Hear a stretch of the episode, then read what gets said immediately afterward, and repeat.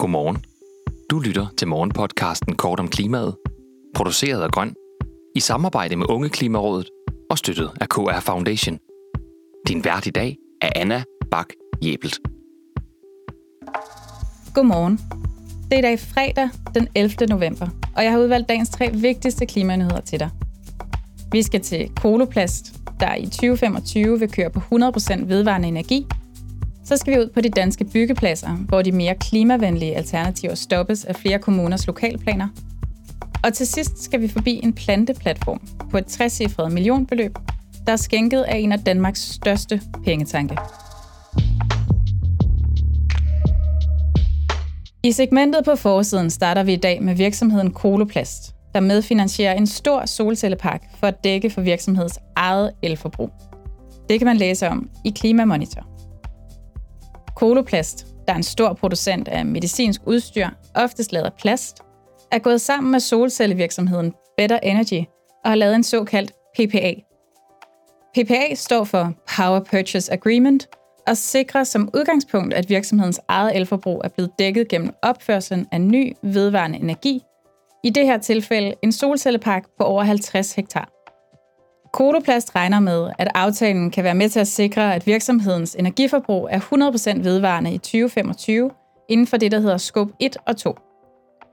De to scopes inkluderer egen produktion, distribution, kontorer og firmabiler, men inkluderer ikke Scope 3, der er det energiforbrug, der er forbundet med produktion af f.eks. deres anlæg, der er lavet af underleverandører. Metoden er anerkendt som en af de mest optimale måder at kompensere sine egne udledninger på, da selve kompensationen direkte bidrager med ny grøn energi, der ellers ikke var opført uden investeringen.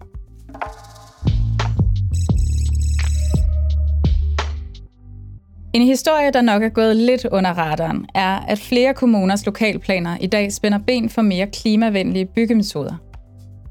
Der findes nemlig fundamenter, såkaldte skruefundamenter, som kan spare op til 90% CO2 i forhold til et almindeligt betonfundament. Men fordi flere kommuners lokalplaner direkte er formuleret sådan, at et fundament selvfølgelig består af beton, kan de mere klimabevidste og byggeløsne borgere nu ikke få lov til at benytte sig af dem. Det kan man læse om i netavisen Klimamonitor. Mange af de rammer og regler, der er sat i forhold til byggerelementerne i lokalplanerne, er lavet for at modvirke Klondike-lignende tilstanden i kommunerne. Et krav om et betonfundament har i mange år nemlig kunne modvirke billige byggeløsninger af lav kvalitet, men i dag vurderes den nye fundamenttype lige så sikker og af lige så høj kvalitet som det normale betonfundament. De rigide lokalplaner er blandt andet en udfordring på Bornholm, hvor den ansvarlige for kommunens lokalplaner, Helle Munk Ravnborg, udtaler, at mange har vel i lang tid været fanget i vanetænkning og kun tænkte beton. Men hvis man spørger kommunens borgere, der gerne vil bygge mere klimavenligt, er det dog i den grad på tide at begynde at komme ud over vanetænkningen og ikke kun tænke i beton.